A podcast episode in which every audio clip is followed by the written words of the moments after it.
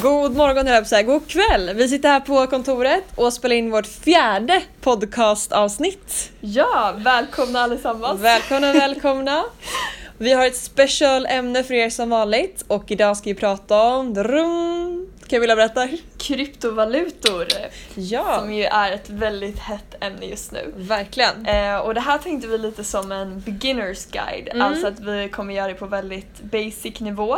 Eh, och framförallt riktar vi oss till de som kanske inte är um, superinsatta i vad det är, Ja. så vi tänkte gå igenom lite grunderna. Exakt. Mm. Och vi själva är ju egentligen relativt nya på det här och det är ju ett relativt nytt fenomen också. Mm. Eh, så vi började lära oss om det här egentligen vid eh, ja, men augusti någon gång där. Ja. Eh, och tyckte det var så intressant så att vi, ja, vi är inte experter nu jag på säga, men vi, vi har verkligen eh, tycker det är så kul och har läst Ja. väldigt mycket kring det sedan dess och vill gärna dela med oss vår kunskap. Ja, har. och det är väldigt spännande att tänka vad det här kan göra för framtiden. Mm. Ehm, så vi kanske kan börja gå igenom, för att man pratar ju ofta om skillnaden mellan eh, bitcoin och Mm. blockchain. Ja. Eh, och om man inte är så insatt kanske man inte vet vad skillnaden är. Ja. Eh, och kanske även då allmänt mellan då kryptovalutor eller coins och Mm. blockkedja. Mm, Vill du gå igenom lite vad det är för något? Absolut. Nej men så att blockchain, eh, både de här ämnena blockchain och eh, kryptovalutor är ganska liksom hypat. Eh, blockchain det uppfanns i samband med den första kryptovalutan. Så det var då bitcoin som kom ut 2009 eh, av en okänd person som heter Satoshi Nakamoto.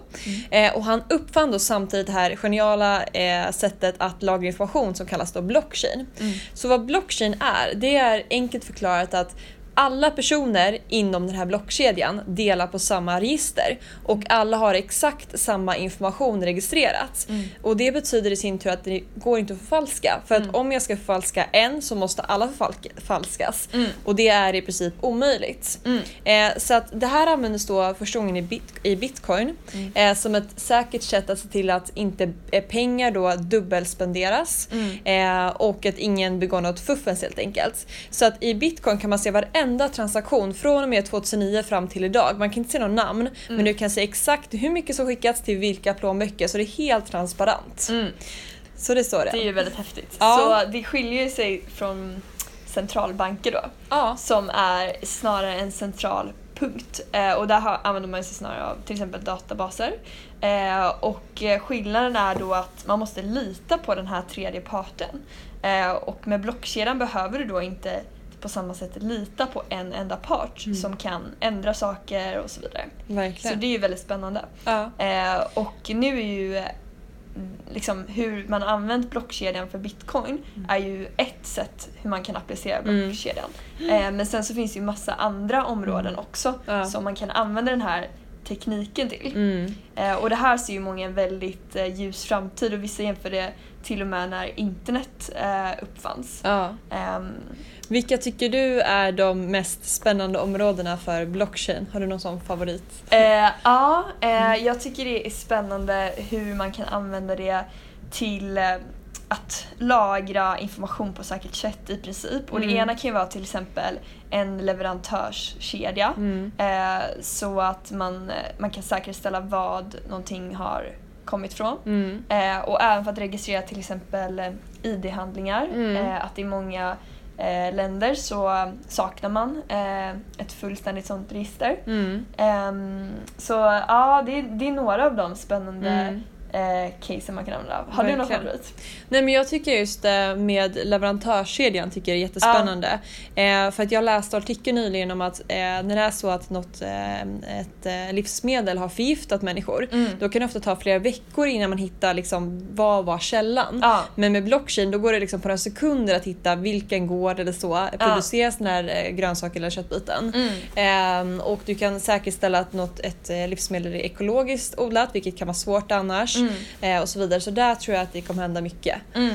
Ehm, Men om vi går tillbaka till kryptovalutor. Ja. Eh, så den första var ju då bitcoin 2009 Mm. och sedan dess och egentligen senaste ja, men två åren kanske, ett Mm. åren, då har det verkligen exploderat med Mm. valutor. Och nu tror jag att det finns liksom, eh, ja, mellan en och två tusen valutor. Ja. Vad tror du, hur kommer det här, vilka kommer vinna? Liksom? Vad, vad tror du om Ja, framtiden? ja men om, man ska, om man ska säga då vad, vad som har hänt så är det ju att Eh, Bitcoin eh, har ju funnits ett bra tag nu Mm. Ehm, och, ehm, och sen så har ju det varit lite bortglömt ett tag. Mm. Eh, men nu har ju det fått en ny hype Mm. eh, på grund av att det här året har det ju växt i värde Mm. eh, så himla snabbt då.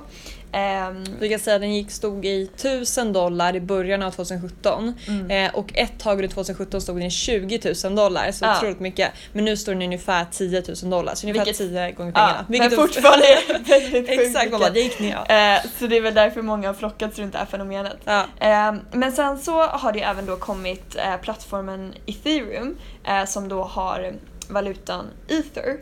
Eh, och, eh, och det här är då den näst största valutan efter bitcoin. Mm. Eh, och den har ju väldigt många eh, annorlunda egenskaper än bitcoin som mer är tänkt som en store of value eller betalningsmedel och sådär. Medan ethereum bygger på något som kallas, det här kanske är lite avancerat med smart contracts. Mm. Ehm, och, och de har alltså helt olika egenskaper. Eh, men den här plattformen ethereum gjorde det möjligt att bygga egna applikationer eh, som gör att man kan lansera sina egna nya coins Mm. mycket lättare än vad det gick förut. Mm. Eh, och det här är någonting som kallas ICO. Mm. Eh, och vi har gjort en helt poddavsnitt av det här i Investpodden som ni kanske har spannat in. Eh, och, ehm, och det är som en blandning, det är lite som en IPO fast väldigt tidigt stadie Mm. och eh, man vet inte riktigt om det ses som en aktie den här coinen eller som någonting man kan bara använda och så vidare. Så det finns en hel del osäkerheter både i regleringen och hur man ska tolka vad det är för någonting. Ja. Ehm, ja, men förlåt, men då, då har vi bitcoin, ether och sen har vi nu då massa andra som litecoin, bitcoin cash, alltså det är eh, av, liksom avgreningar av bitcoin, Mm. Eh, dash, ripple, iota, ja det finns massa. Mm. Ehm, och det vi ser då är att det är så svårt att veta vilka av de här kommer överleva. Mm. Det vet man ju verkligen inte. Nej.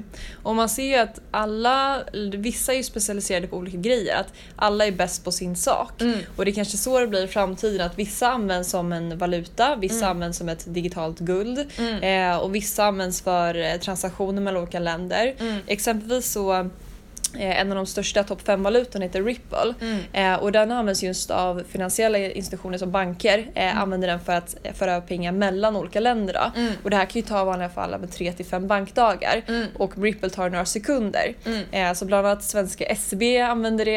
Eh, så där, den, eh, ja, där alla har olika användningsområden helt enkelt Ja. kan man säga. Ja men verkligen, Ehm, det har de ju. Ja. Men det är Ja. spännande, vi kan nämna bara ICO snabbt Ja. eh, eftersom att vi är ex- experter på det genom vår podd. Eh, för det är någonting som ni kanske har läst om på nyheterna också eh, och vi kan tillägga att det är väldigt kontroversiellt just nu faktiskt. Mm. För det är ett helt nytt sätt att resa kapital Ehm, och det finns bolag som har rest miljarder kronor under 2017 Mm. och egentligen har de bara en powerpoint-presentation och säger det här ska vi göra. Ja. Och det har varit så stort intresse och bland annat Kina förbjöd ICOs i september. Mm. Så det väldigt mycket ja, men kontroverser kring det här. Mm. Det var nyligen för några veckor sedan ett bolag som sa att vi ska göra blockchain inom eh, agriculture var det. Mm. Eh, och sen så, de fick inte så mycket pengar men så senare var bara sidan eh, bortblåst liksom efter det var Ja. klart. Ja exakt. Eh, och det är mycket sånt här inom kryptovärlden. Mm. Eh, ni kanske känner till Mt. Gox var en jättestor börs som eh, 2014, eh, de hade, det var största bitcoinbörsen.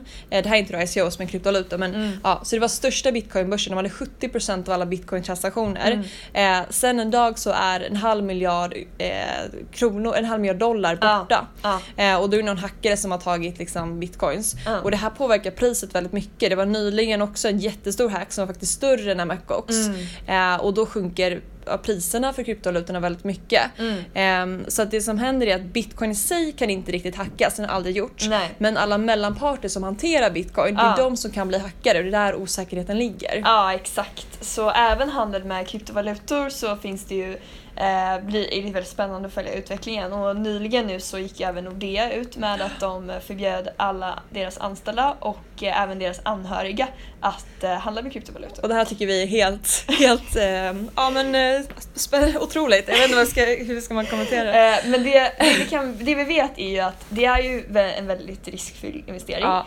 och man kan förlora alla sina pengar. Ja. Ehm, så är det verkligen. Men det är ju också någonting som har potential att, eh, att förändra mycket. Mm. Ehm, och några egenskaper till exempel som bitcoin har Mm. eh, det är att det är väldigt globalt fenomen eh, och det är därför enkelt att skicka var som helst i världen till Mm. skillnad från när du gör det via bank och så vidare. Det tar fler, flera dagar. Mm. Ehm, och sen så även att ehm, Ja, det, vi- det vi kan säga i alla fall är att eh, det finns många egenskaper som skiljer sig mot eh, dagens sätt att betala som kan vara intressant i framtiden. Ja, inte bara betala men mycket annat också. Ja, Mm. så det som, det som eh, olika länder då, alltså staterna är rädda för, Mm. eh, det är mycket att det kan handlas eh, för, eh, för kriminella verksamheter. Ja.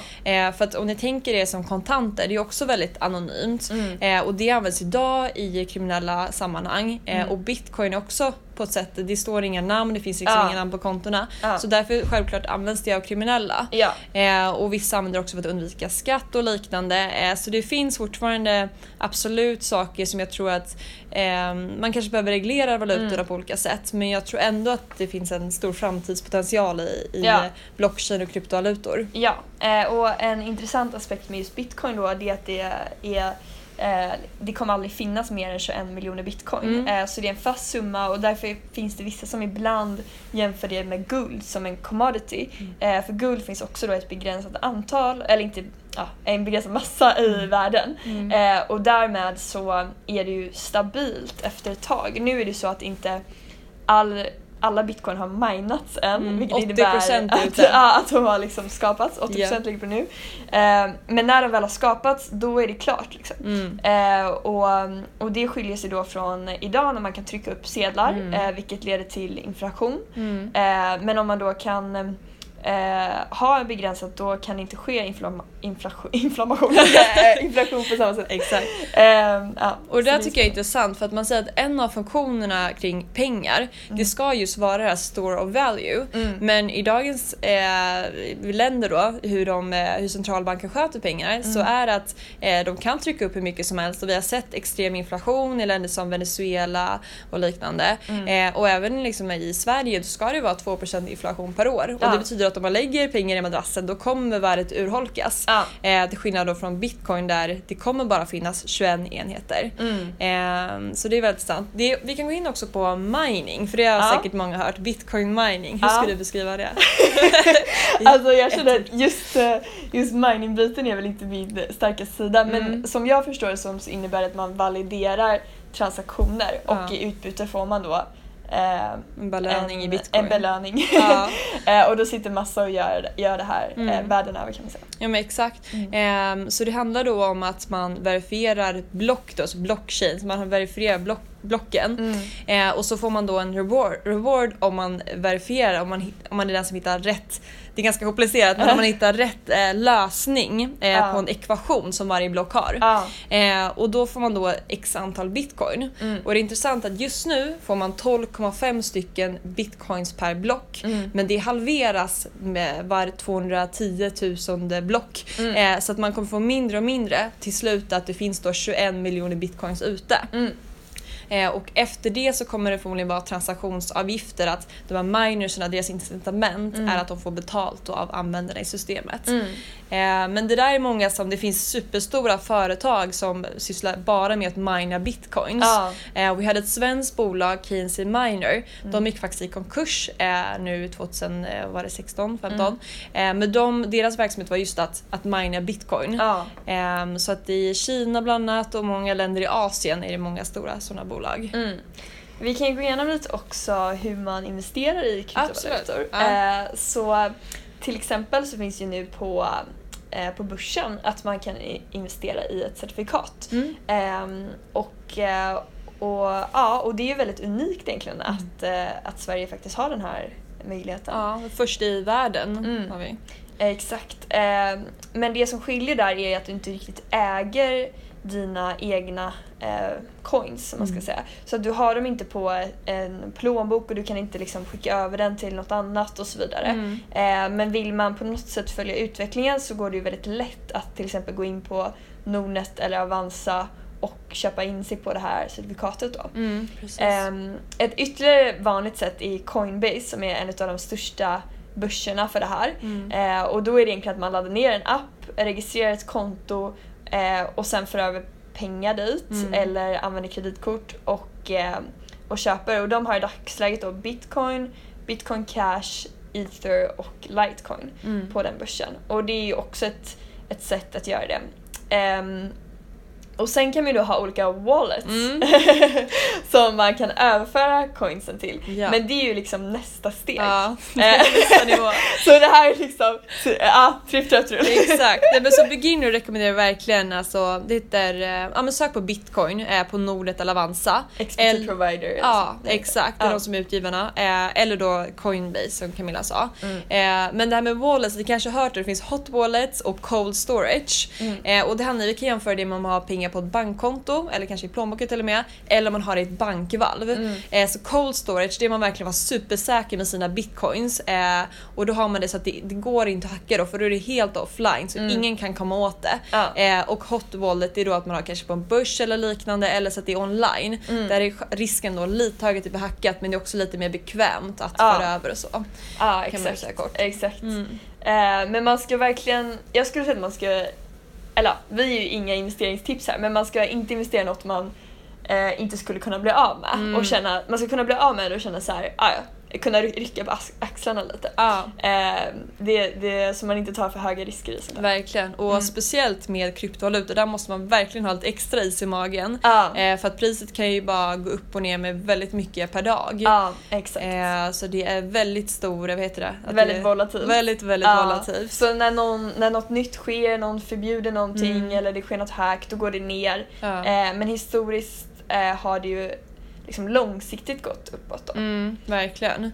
Mm. Eh, och det är många som undrar just men vem, vilken valuta kommer bli vinnaren i långa loppet. Mm. Och det vet man ju inte och det har ju kommit väldigt många utmanare till bitcoin. Det Ja. finns ju då flera tusen liksom, valutor. Ja. Eh, men den har ändå behållit sin första plats nu i tio år är det.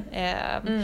Så att eh, nej men vi, det är spännande att se. Ja, nej men de har, bitcoin har ju lite problem med att dels att det tar väldigt mycket energi Mm. eh, men också att väldigt mycket tid. Ehm, i blockkedjan man ska säga. Ja, exakt.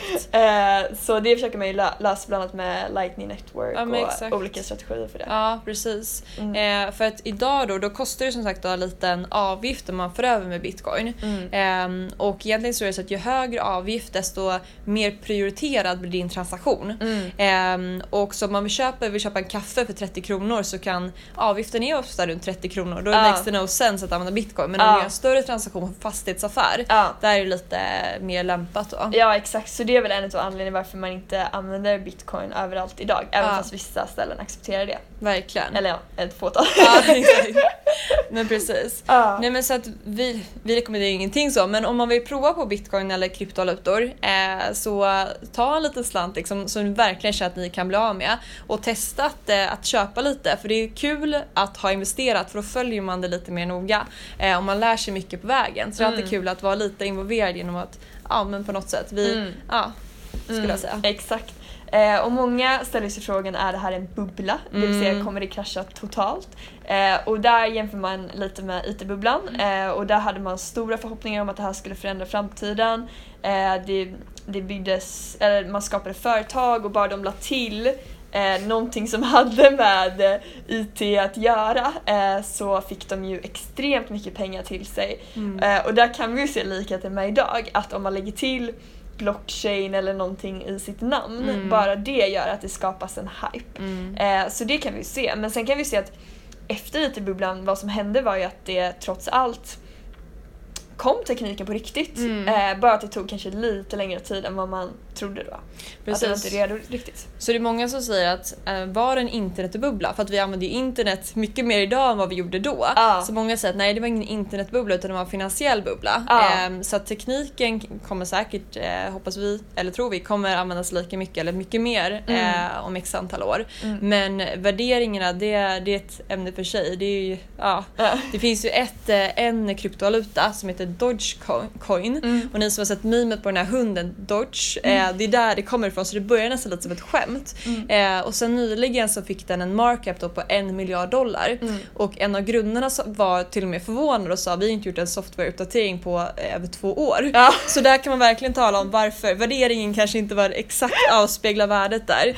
Ehm, Men ja, som sagt, det är svårt att veta. Det är väl ingen som vet. Ja. Bra slutsats. Ja, verkligen. Ja, men det här var väl en liten crash course Ja, i exakt. kryptovalutor och blockchain. Ja, hoppas ni har lärt er någonting. Ja. Eh, och skicka jättegärna om ni har några frågor efter såklart. Ja. Eh, så nej, men det var väl det. Ja, puss och kram! Puss och kram, hejdå!